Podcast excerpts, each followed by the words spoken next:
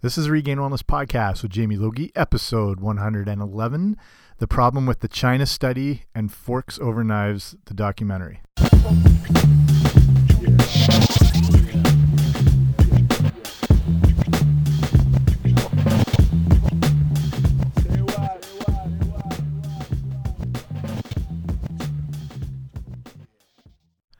Hey guys, what's happening? Welcome back to the podcast. I'm Jamie Logie. I run regainedwellness.com, and this is the Regained Wellness Podcast. So thank you for stopping on by or picking up your phone and listening or wherever you are doing it. Um, if you haven't already, make sure to subscribe via the old iTunes machine so you get those shows automatically sent to you. and honestly, wherever you listen to podcasts, I'm pretty much everywhere. Um, Stitcher Radio, uh, iHeartRadio, Spot, am I Spotify yet? Google Play, basically everywhere. But I know iTunes is the go-to, so that's what we're doing here. And today, the 111th episode, which would be triple sticks, which is kind of a baseball thing. So any player would wear number 11, you just call them sticks because it looks like two sticks. So three is triple sticks. Yeah. So that's how it's going. I'm tired. Bear with me. Uh, today is I touched on this a few episodes ago. I started talking about about being vegan and veganism is the healthiest choice, and got into all that, and hopefully covered it as respectfully as possible while still sort of sharing my thoughts and insights and research but you know looking at the benefits listen to that show if you haven't already. I, th I think I, I covered it well just talking about some of the issues vegans face, but why everyone should still be, you know, following a plant-based diet, even just even if you completely believe in um, beef all the time, whatever. Like hey, your diet should still be at the very core um, a plant-based diet. So listen to that one. Um, anything I talk about today, there'll be a lot of different references and stuff. So on the show notes, which is uh, what you can see by going to today regainedwellness.com slash 111 those triple sticks.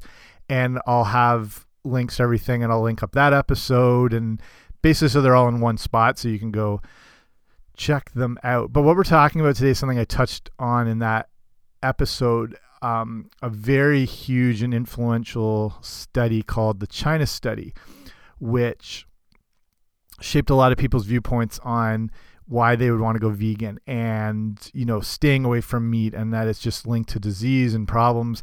And there's a big documentary called forks over knives which you might have seen. So I, I assume it's still on netflix. It's been on netflix for a while. And it's you know kind of fleshes out more of the china study and um, you know shares those insights and everything. But there as usual it's not necessarily a black and white issue. And the China study and Forks Over Knives don't share the whole story of what you know a lot of the research said and when you go back and actually look at it and you know making conclusions that aren't necessarily there. There's there's a lot of stuff to unpack as it were. So i'm going to try and go through a bunch of it today. And you know it's not to sway people one way or another. It's just about you know being as informed as possible and then making um, the best decision you can make for how that applies to you. So, um, yeah, deep breath and let's get into this. Okay, so in case you haven't heard of the China study or you haven't seen the documentary Forks Over Knives, I'll try and you know go through a little of where this is all coming from. It starts with a guy named um, PhD named T. Colin Campbell, and he is the one who you know started the research and came up with the hypothesis after what he see uh, like what he would see um, through research and and going through all the data is that it's basically in a sentence that eating foods that contain any cholesterol above zero milligrams is unhealthy. If that, if you want it in a nutshell, that's what he's saying. So that would basically mean all animal products, you know, beef or chicken or if it's eggs or dairy or yogurt. And his background is that he was, um, he grew up in kind of rural, that's a hard word to always say, rural, the rural juror, rural. And you know the, that American landscape, and this is way before this research, but he was, uh, you know, around the dairy farms and cow's milk at the time was always called nature's most perfect food, and some people still call it that. And he basically, you know, milked cows from the age of five through his college years. Then he studied animal nutrition at Cornell. Um, he did his PhD research on actually how to make cows and sheep grow faster, so the American food supply could be pumped with more protein. You know, a lot of that. So basically, fast forward, and then um, Campbell is now on the advisory board of the Physicians Committee for Responsible Medicine. Um, it describes itself as a nonprofit organization that promotes preventative medicine, conducts clinical research, and encourages higher standards for ethics and effective effectiveness in research. Um, but what happens next is he puts out a book called The China Study.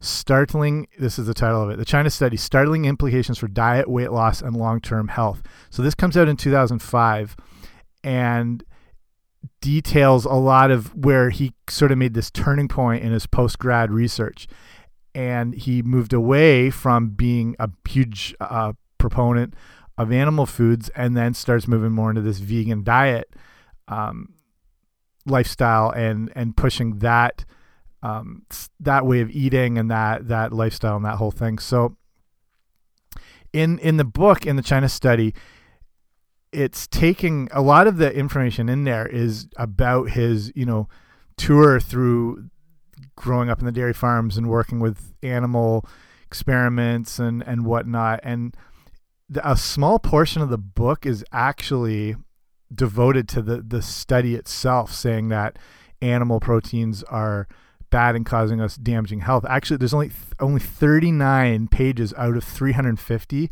of this book are actually devoted to this China study itself um, and like we said, we narrowed down his hypothesis and statement being that eating foods that contain any cholesterol above zero milligrams is unhealthy. So a lot of the information here I'm sharing is from, um, you know, the, the, insights in the book itself, but then a lot of kind of like I said, the unpacking of the actual data is uh, there's a lady named Denise Minger who's a, a food researcher who went through a lot of this and she's got a lot of the information out there that you can check out. And I've been able to draw from, from also a guy named Chris Masterjohn. And th there's a lot of the info out there, but a few of these people have really kind of concised it down nicely. So what's happening?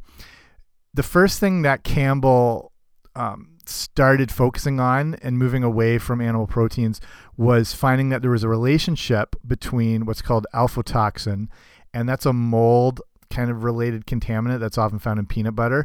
So there's a relationship between this aflatoxin and cancer in the Philippines. So he then finds out that that although the areas with the highest consumption of peanut butter had the highest incidence of liver cancer, it was the children of the best fed families who consume the most protein because of protein being expensive. So they're coming from the better fed families. And they were actually ones getting liver cancer too, and it wasn't necessarily this mold related contaminant in the peanut butter. So, you know, just starting right off the bat here with some of the issues with the China study is um, they they're not looking at if these Filipino families ate many of the staples of a modern diet since they did have a lot of money were they eating a lot of refined breads um, and sugars and sodas and do they have access to a lot of that stuff. So that's not mentioned at all. It's just that these kids who lived in these affluent families are getting were getting more liver cancer and they were eating a lot of protein. So that was the first kind of like, hmm, are they actually looking at everything correctly? Um, so then Campbell gets a hold of this piece of information, well, a study actually from some obscure medical journal. I don't think they actually ever even mention it. And what they're doing is they're doing some rat studies. Again, a lot of the information they get is from rat studies, which yeah, that that that's an issue right there. So they fed the rats that um, two groups of rats that alpha that aflatoxin mold. So, and in the two groups of rats, one was consuming a 5% protein diet and one group was consuming a 20% protein diet. And basically every rat in this latter group got liver cancer or kind of precursors to it and none in the former group got liver cancer or any of those precursor lesions that led to it. So that again kicks off this move for Campbell where he wants to investigate, you know, what's the relationship here between, you know, nutritional factors, specifically protein and cancer. So this now leads him to this almost 19 years of study and research. And again, summing it up in that that sentence I mentioned, his conclusion was pretty, you know, life changing for a lot of people, pretty provocative. Um, you know, he's just looking and, and tying meat and protein into essentially a, a poison to the body. They worked further or looked at further studies with the rats, and now they're looking at milk protein, which is casein, um, to see how that was affecting things. And what they're drawing again is that the they're seeing more of that connection with cancer on the rats that had the 20% casein diet and the ones that had the 5% casein either didn't get it or or whatever it disappeared. So he found that adjusting the protein intake of the same rats basically he's he's seeing that that adjustment could turn cancer promotion. See, this doesn't always mean direct cause, but just the potential with the cancer prom promotion, the protein could turn it on and off almost like it was a switch. And and they found the and he's seeing again they found the casein would have the same, you know, effect on other um, viruses and and certain types of cancer. And so basically he takes and connects almost all protein with causing the same thing. Um, again, not just specifically with the casein, just kind of a blanket approach with all the different protein.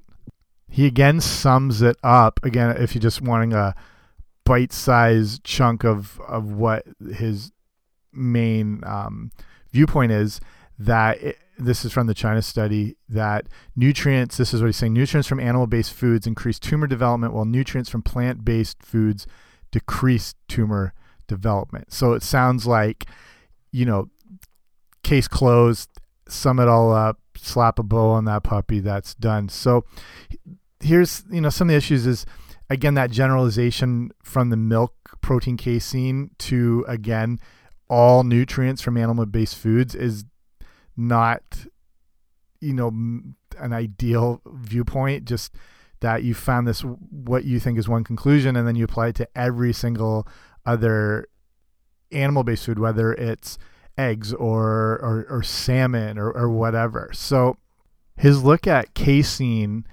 again, that's the milk protein, doesn't look into some of the potential issues that might be not necessarily connected to the casein, but the the processing that whatever um, version of it he was using. So you know, if he's talking about the potential to promote tumor growth, but what does the processing have? As far as you know say pasteurization they they do low temperature dehydration on casein. There's a high temperature spray drying. That itself can create carcinogens. This is sometimes the issue with um, commercial dairy and milk is that it goes through such a a harsh process of all these things like I just mentioned um, and even they can be the fermentation of all those different effects on the structure of the casein that can completely change it. So they don't look at that like when they're doing studies like this, they sometimes use the the sometimes more inferior type, um, in this case protein, and in this case, this specific case casein, as opposed to you know they're not using raw milk or a say like kefir or a real natural yogurt, which has different properties. It, it's you know you have no idea what the processing has had. Again, you know just just thinking of the idea of high temperature spray drying doesn't sound exactly natural. So was that having more of an effect than um, the actual casein itself?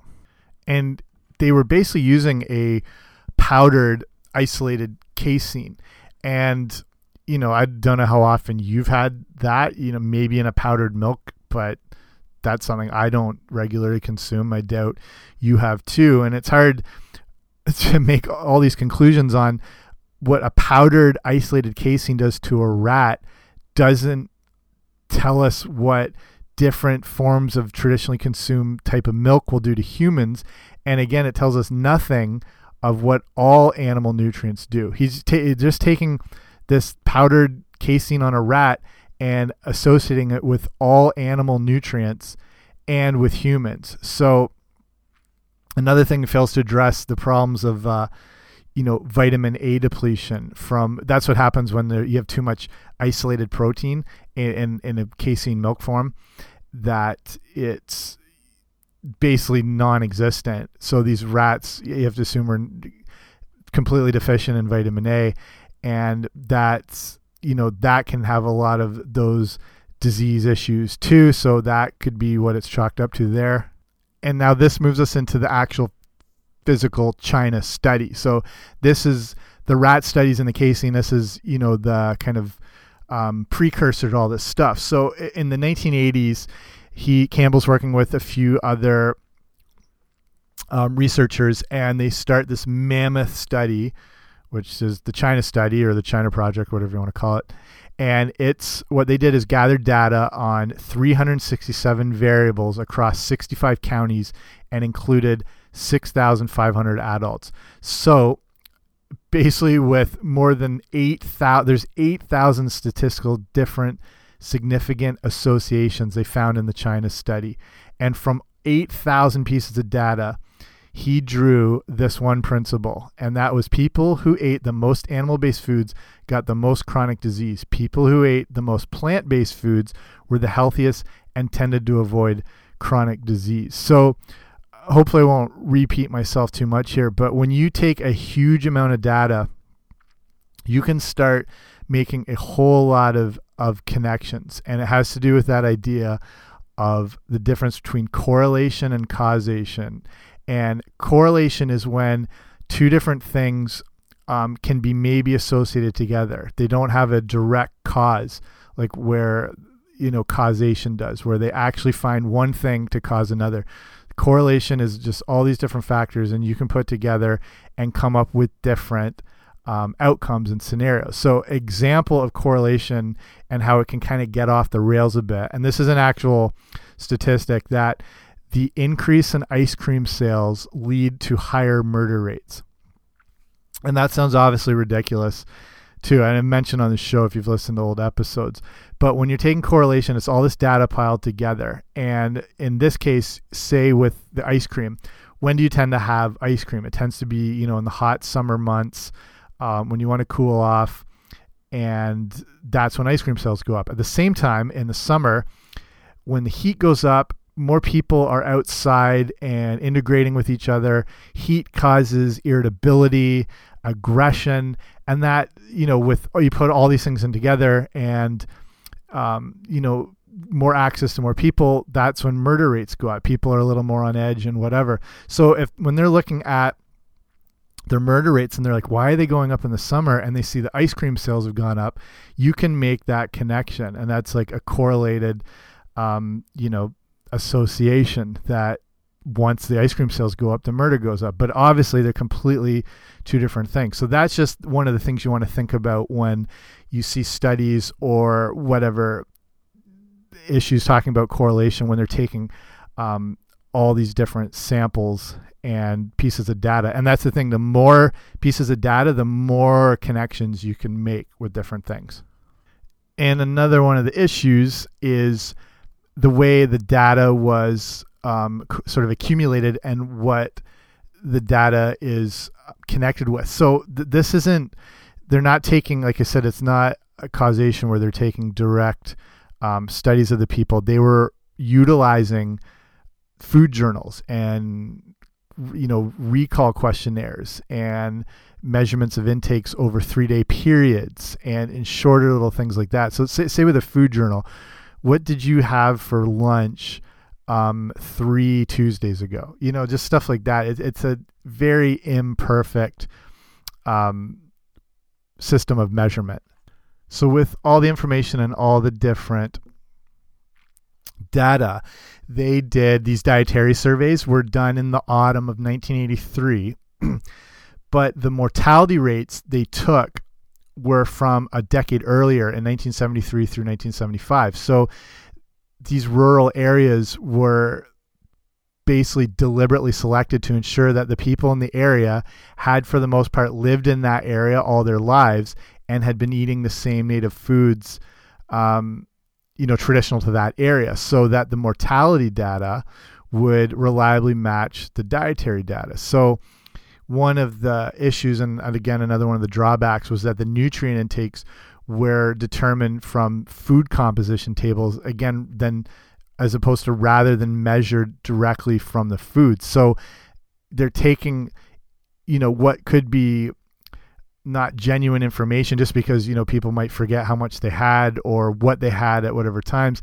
And then they were just taking the different foods and working off these composition tables of what different you know information on that would say as opposed to directly those foods themselves. Like say they're eating you know a piece of chicken from their local area. They weren't looking at that specific chicken. They were looking at chicken as a whole and what data on chicken says. So it's not maybe as um, specific to that location as as possible. And what the like the researchers were saying who who've kind of you know like I said like Denise Minger and Chris Masterjohn and all these people have actually gone over it.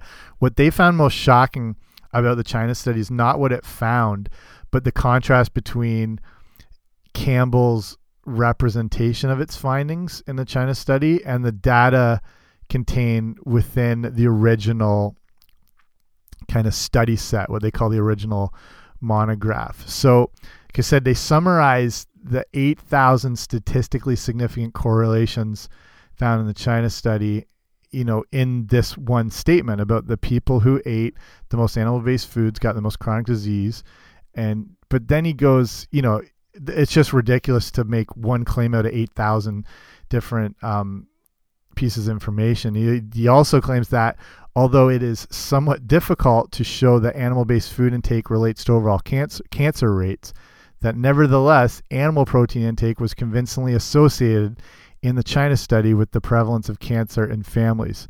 So, I mean, that's a mess of a statement right there when you're saying it's somewhat difficult and then, but you've made this one general statement. So, we're talking about this is where there's a lot of the data, and I'm trying to just go through this. When I when I mentioned that thing called the original monograph, that's the you know the like the snapshot almost of the association of the different things. And th there's a lot.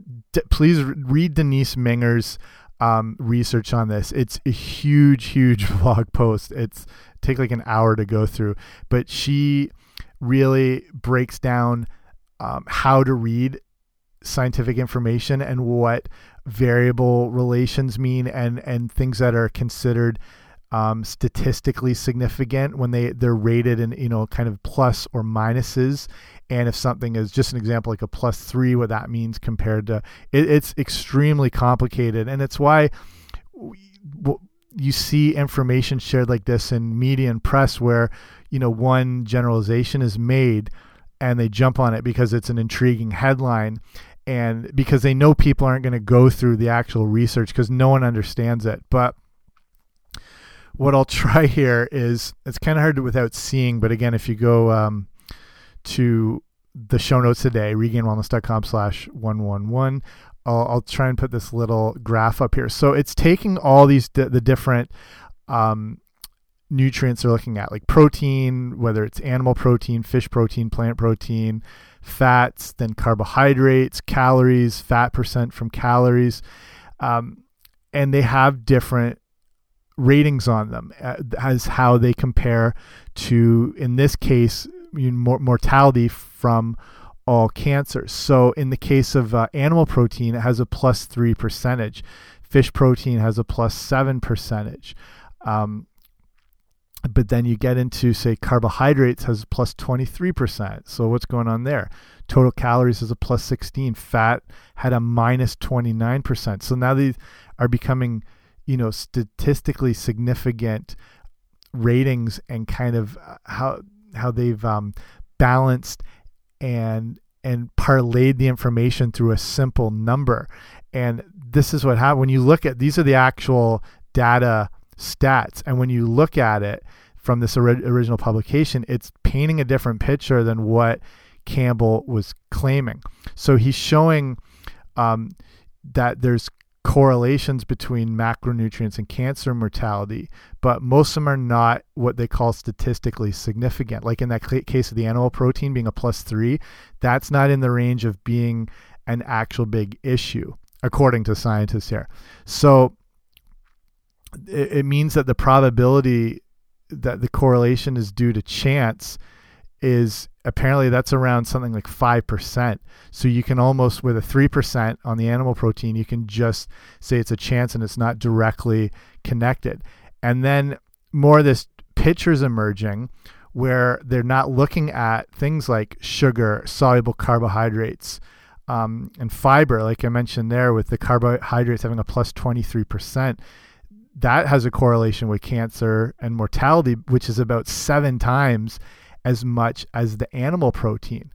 Um, and then the total fat and fat as a percentage of calories were negatively correlated with cancer mortality. So, you know, the fat is going to be coming from these animal sources, but now it's not linked to cancer. So the actual data is not really um, sharing what their Campbell and then their hypothesis was.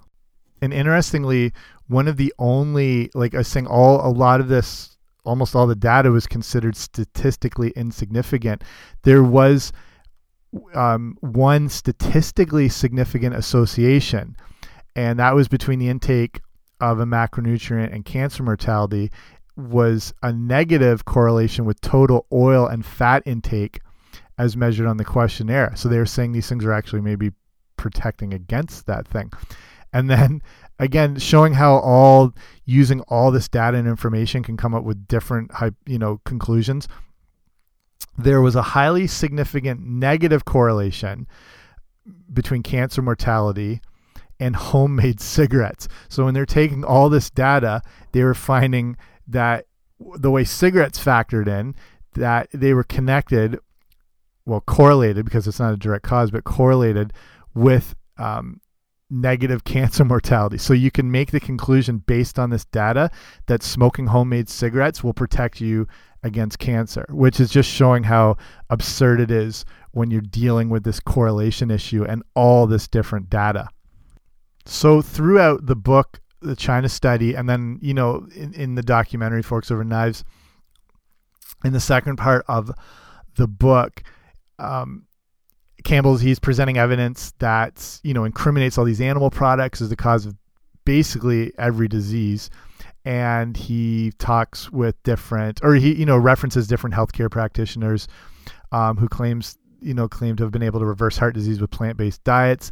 And then he looks at some different um, you know societies and cultures around the world. He's talking about um, specifically the Papua New Guinea Highlanders, and they are an example of a traditional society without the occurrence of heart disease because they eat an all plant based diet. But there's a lot of information. If you've ever, if you know who Weston Price is, or if you've read about um, guys like George Mann, and you know Weston Price is kind of like the Charles Darwin in nutrition, and he spent he was a dentist um, who was finding that the kids of his patients were starting to have tooth and and jaw issues that their parents never had and he was starting to you know wonder if it was related to the modern diet you know as things were becoming more processed and refined and whatnot and he basically spent 10 years traveling around the world to some of the most remote regions on earth to look at ancient tribes and and to see what their um, their diet was like and their health. And then he was seeing what was happening when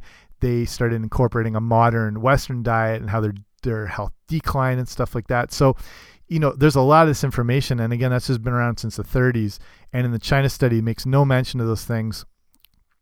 Um, and, and test subjects, and you know they're looking at the the Maasai who were really heart healthy and they ate a lot of protein and fat, and you know the the primitive societies who lived on exclusively fatty animal foods, and some of these tribes that were eating um, all you know all the organ meats. They're eating brains. They're eating blood from cows, primarily every part of the animal from like nose to tail, and they have no issues of heart disease. Um, they're actually extremely healthy, you know. So it doesn't touch on a lot of of this and a lot of that amazing research that came before him. Also, in these um, societies and cultures, you're not seeing the issues of diabetes like you would um, see here. And this is this is I found interesting too, that in the China's studies discussion of diabetes, Campbell says that a high fiber, whole plant based foods protect against diabetes, and high fat, high protein animal based foods promote diabetes. And then he talks about the possible role of cow's milk um, causing type 1 diabetes via an auto, autoimmune reaction. But he makes no mention that the biggest autoimmune causer um, of them all, which would be wheat, um, you know, having been connected with type 1 diabetes, you know, in a similar process, just doesn't mention it at all. And, and autoimmune disease, if you're not sure what that is, it's essentially when the body turns on itself. So, in the case of, um, say, gluten here with wheat, um, gluten is a sticky protein found in the seeds of grass, and we call these seeds and grains, you know, um, whether it's wheat or rye or barley, but wheat being the main one because that's the most we consume of it. And in the case of people who have celiac disease, or even don't, who are, you know, gluten sensitive or, or have issues with it, but specifically with, with celiac, their body um, has a problem processing the gluten protein. And like I said, it's that sticky protein. It's almost like a glue. And in the gut, it, it really can break down what's called the, the villi and the microvilli, which are in your gut. They're like these finger like uh, kind of like, it's like almost like shag carpeting. It's these things that sort of stick out that absorb the different nutrients and whatever. And then, you know, the gluten breaks down the the shags, if you will, so so that it's almost like a bare floor, and that's where it gets so harsh on that person. The digestion is painful, um, just nutrient absorption, everything is hard, and then what happens is that gluten can break through the cells, uh, you know, the the the barrier between the the gut and then the inside of the body, and then the, the immune system basically almost like 70 80% of the immune system are, are these cells that live on the uh, opposite side of the gut wall. So then the gluten um, with what they call you know like leaky gut syndrome which is what it sounds like that those gluten proteins can go through and that's not ideal but you have all the immune system there which can attack it um, and fight it and protect the body and whatever and that's its job. But then that's you know internal inflammation and all these other things. But to sum it up once the body has um, you know these immune cells they they've seen the gluten protein they know how to attack it what happens next is it sees some of its own body composition in the same way. It, it starts to see um, what they it thinks is you know say a gluten protein but it's not. It's a natural part of the body and then it turns on itself and that's what autoimmune disease is. And that's leading to diseases like hashimoto's and um, different arthritis and and joint issues because the body's you know um, turned on itself. So it's hard to condemn you know say cow's milk and then just totally disregard the damage that wheat protein has done on a lot of of people. 19 pages in fact talking about the um, the cow's milk issue with autoimmune disease and zero pages talking about you know wheat gl gluten proteins and and causing autoimmune disease. So, you know, it's it's hard to I don't know, sometimes if you're you're so deep in your work and it's based around this hypothesis that you're not you know taking all the information that might take away from it because it's a lot of time it's a lot of money a lot of people have been involved and you don't want to derail all your um, what your findings were trying to say another one of these things. I mean, there's tons of them. I'm just trying to go through some that I um, think are helpful. Um, this is going to be about, you know, he reiterate, reiterates that the myth that dietary fat and, and cholesterol contribute to Alzheimer's, and he discusses the potential protective effects of plant foods. And again, you know, I'm going to get into this near the end, like how important plant foods really are and how they are needed, but just where some of these conclusions get a little haywire here. So, you know, talking about how they're protective, but makes no mention of how protective, um, especially when it comes to the brain, um, cognitive health, Alzheimer's, things like that, how protective DHA, which is you know part of the omega three fatty acids found in fish oil, which is an animal based nutrient, and we're knowing more and more about how key this is. In, in people who aren't not all the time, but people who um, can suffer from depression sometimes are found to have low omega-3 levels in the brain. Our brain is physically made up of fat. We are we're fatheads. And omega-3 specifically where you're getting from natural real organic um, you know grass-fed beef but also from fish specifically the the DHA well there's EPA ALA EPA and DHA and it's that DHA when it's converted into that form that has that um, you know effect in building the actual brain. And so sometimes the link has been seen with the low omega-3 content uh, because you're not consuming um, you know fish products or, or or fish oil supplements and whatnot and that's seen that, that omega-3 um, content is down and we're learning how important that DHA is. So, you know, another thing in this study is making no mention of a very beneficial um, animal based nutrient. It's similar as well to where he starts discussing about folic acid. And, um, you know, it's also known as folate. It's another form of it. It's one of the B vitamins. It's, you know, you've probably heard of folate or folic acid and you know it's um, can help prevent, you know, neural tube defects developing during pregnancy. It's used to treat uh, anemia and, you know, folic acid deficiency deficiency um, causes that. There's actually now that more than 50 countries require fortification of certain foods with folic acid. So at a you know, a measure taken to decrease some of those birth defects and whatnot. And there's recommendations for how much you should be getting. So what's interesting in talking about different foods that he, he claims are the best sources of certain things. So now we're looking at folic acid. And he he says in the book that folic acid is a compound derived exclusively from plant-based foods such as green and leafy vegetables. And yeah, obviously they're amazing. Green leafy vegetables should still make up the core of your diet. They provide a ton of nutrients, but eh, that's not necessarily true because uh, things like chicken liver contain way more folate than say spinach. In the case of chicken liver, um, the research here is showing that there's 5.76 uh, micrograms per gram of folate compared to 1.46 from spinach.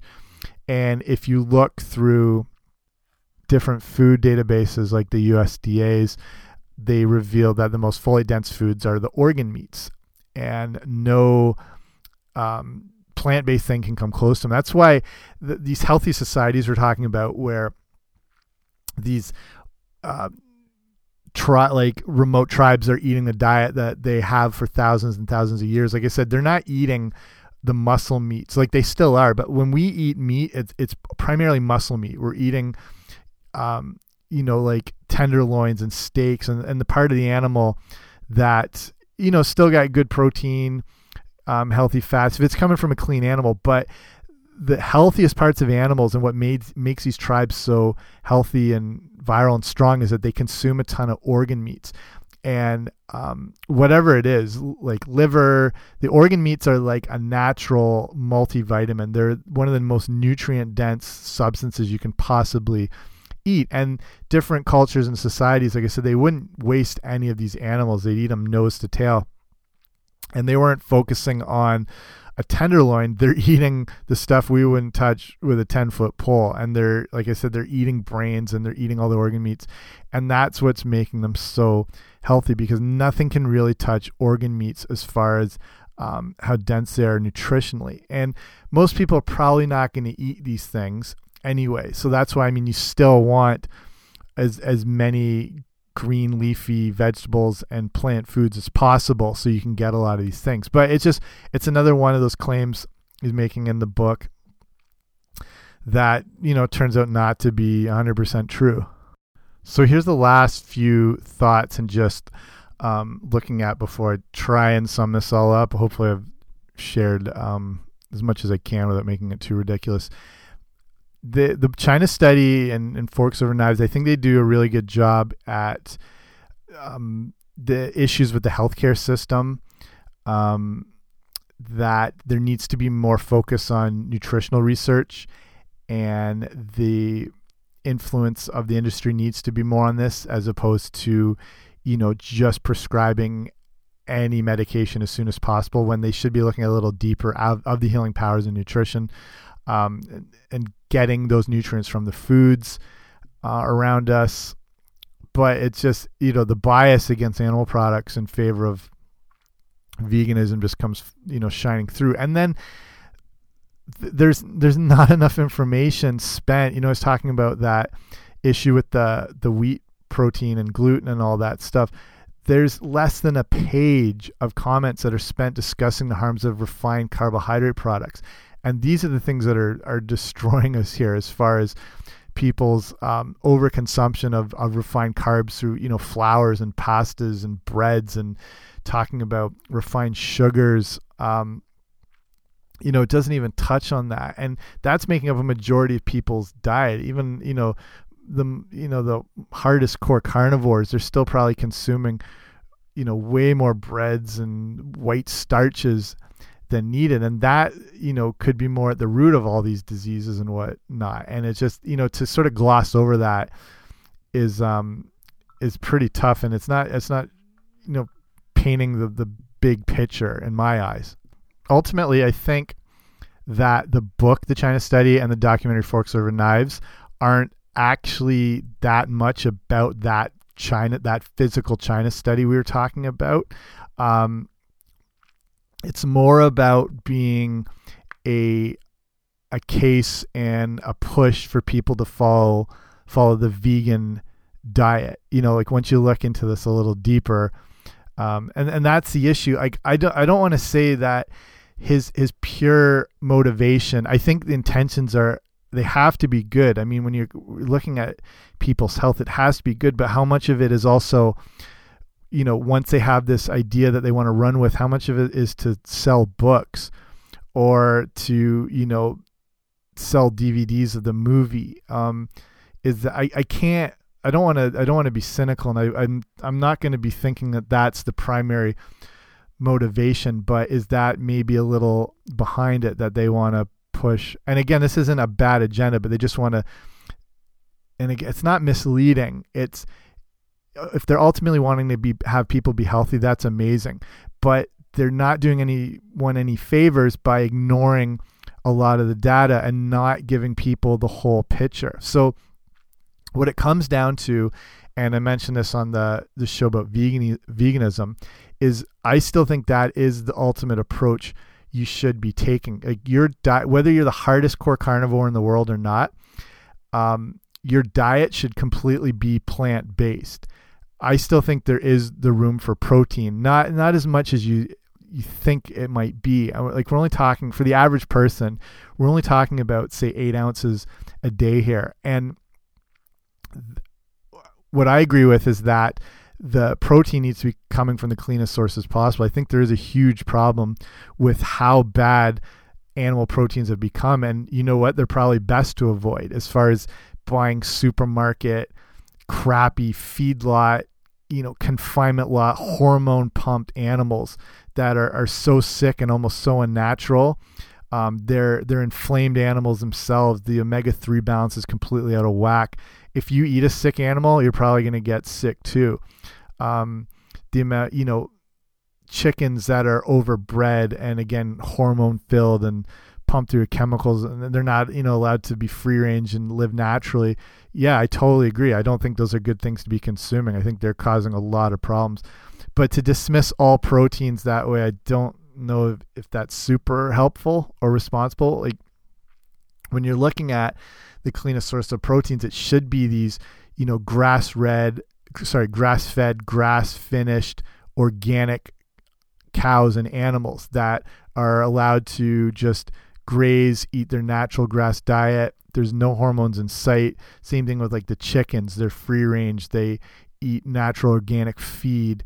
Um, they're allowed to run around. These are completely different animals. They're night and day compared to their supermarket counterpart, and that all that nutrition exists um, naturally in those animals when they're allowed to be that proper animal. When you're eating supermarket beef, there's potentially a hundred different cows in that package there, and it doesn't really resemble a natural animal with how converted and polluted that thing has become. So in that aspect, yeah, thousand percent agree that those are things to be staying away from. But to you know chalk it up to all proteins, I don't think that's necessarily um, responsible enough. I mean, if if eating vegan has been working for you, then that that's perfect. And like I said, everyone's if you have your plate, you know, it, it should be three quarters of it should be vegetable based, especially dark green leafy vegetables, and then things like broccoli and red and green peppers and tomatoes. Like that should still be the core of your diet. That's where the nutrition's coming from. You need those minerals, phytonutrients, and the whole deal. I think just protein can have a good place in there. But, you know, onwards, as you're looking at your plate, you, you should um, still have some things like olive oil, you know, coconut oil, avocados for those good fats, nuts and seeds, um, you know, having things like good, maybe dark chocolate, whatever. And so if you're looking at this, these are all plant based foods. Um, so no matter what, that should be your core. So if you're vegan and you you know you just dislike these meats altogether, I completely understand that. I, I just think there is some room for it. But doing your own research is best to see what works best for you. So that my recommendation is is that sort of you know dinner plate makeup that it's got um, that little bit of protein, but like I said, from the cleanest source possible. And I, I'd make the push for you know this doesn't have to be beef or chicken. I'd say we're underutilizing fish specifically um, salmon and and these are some of the king of foods out there if you can find super clean um, organic versions of them just with the omega-3 content and um, I, I think that's the best protein source um, to go for for sure so this is a lot of info and um, use it like this is what I say to people like use information like this as a jumping off point to further your own research and kind of dig through the layers and see what makes sense to you. It, it, taking just one source um, can be tough. So, and same thing in, in this situation, you know, if some of this is intriguing or not, you know, do some more reading. So if definitely, if you go to re, regainedwellness.com slash 111, I'll link up some of these different things if you want to really go into further, but like continue your own um, studying and, and educate yourself as much as possible because that's when you start really kind of putting the pieces together and seeing what real health will look like. It, it's unfortunately not easy. There's so much information out there. There's so much um, contradictory information. Uh, it's it's a bit of a mess. But when you take some time, it takes work. You know, it, it's not a simple um, solution all the time. It takes work to go through a lot of this information, but then you start to see, you know, um, similar patterns come up and, and, and the same certain information come up, and then you can start making your own conclusions and see what works for you. So in the case of this or any of the shows I'm doing, you know, use it as that jumping off point. But like I'll link up all those different um, huge articles if you want to go through some more, and I'll link up some more of the shows I've done if you want more information. They're shorter than this episode.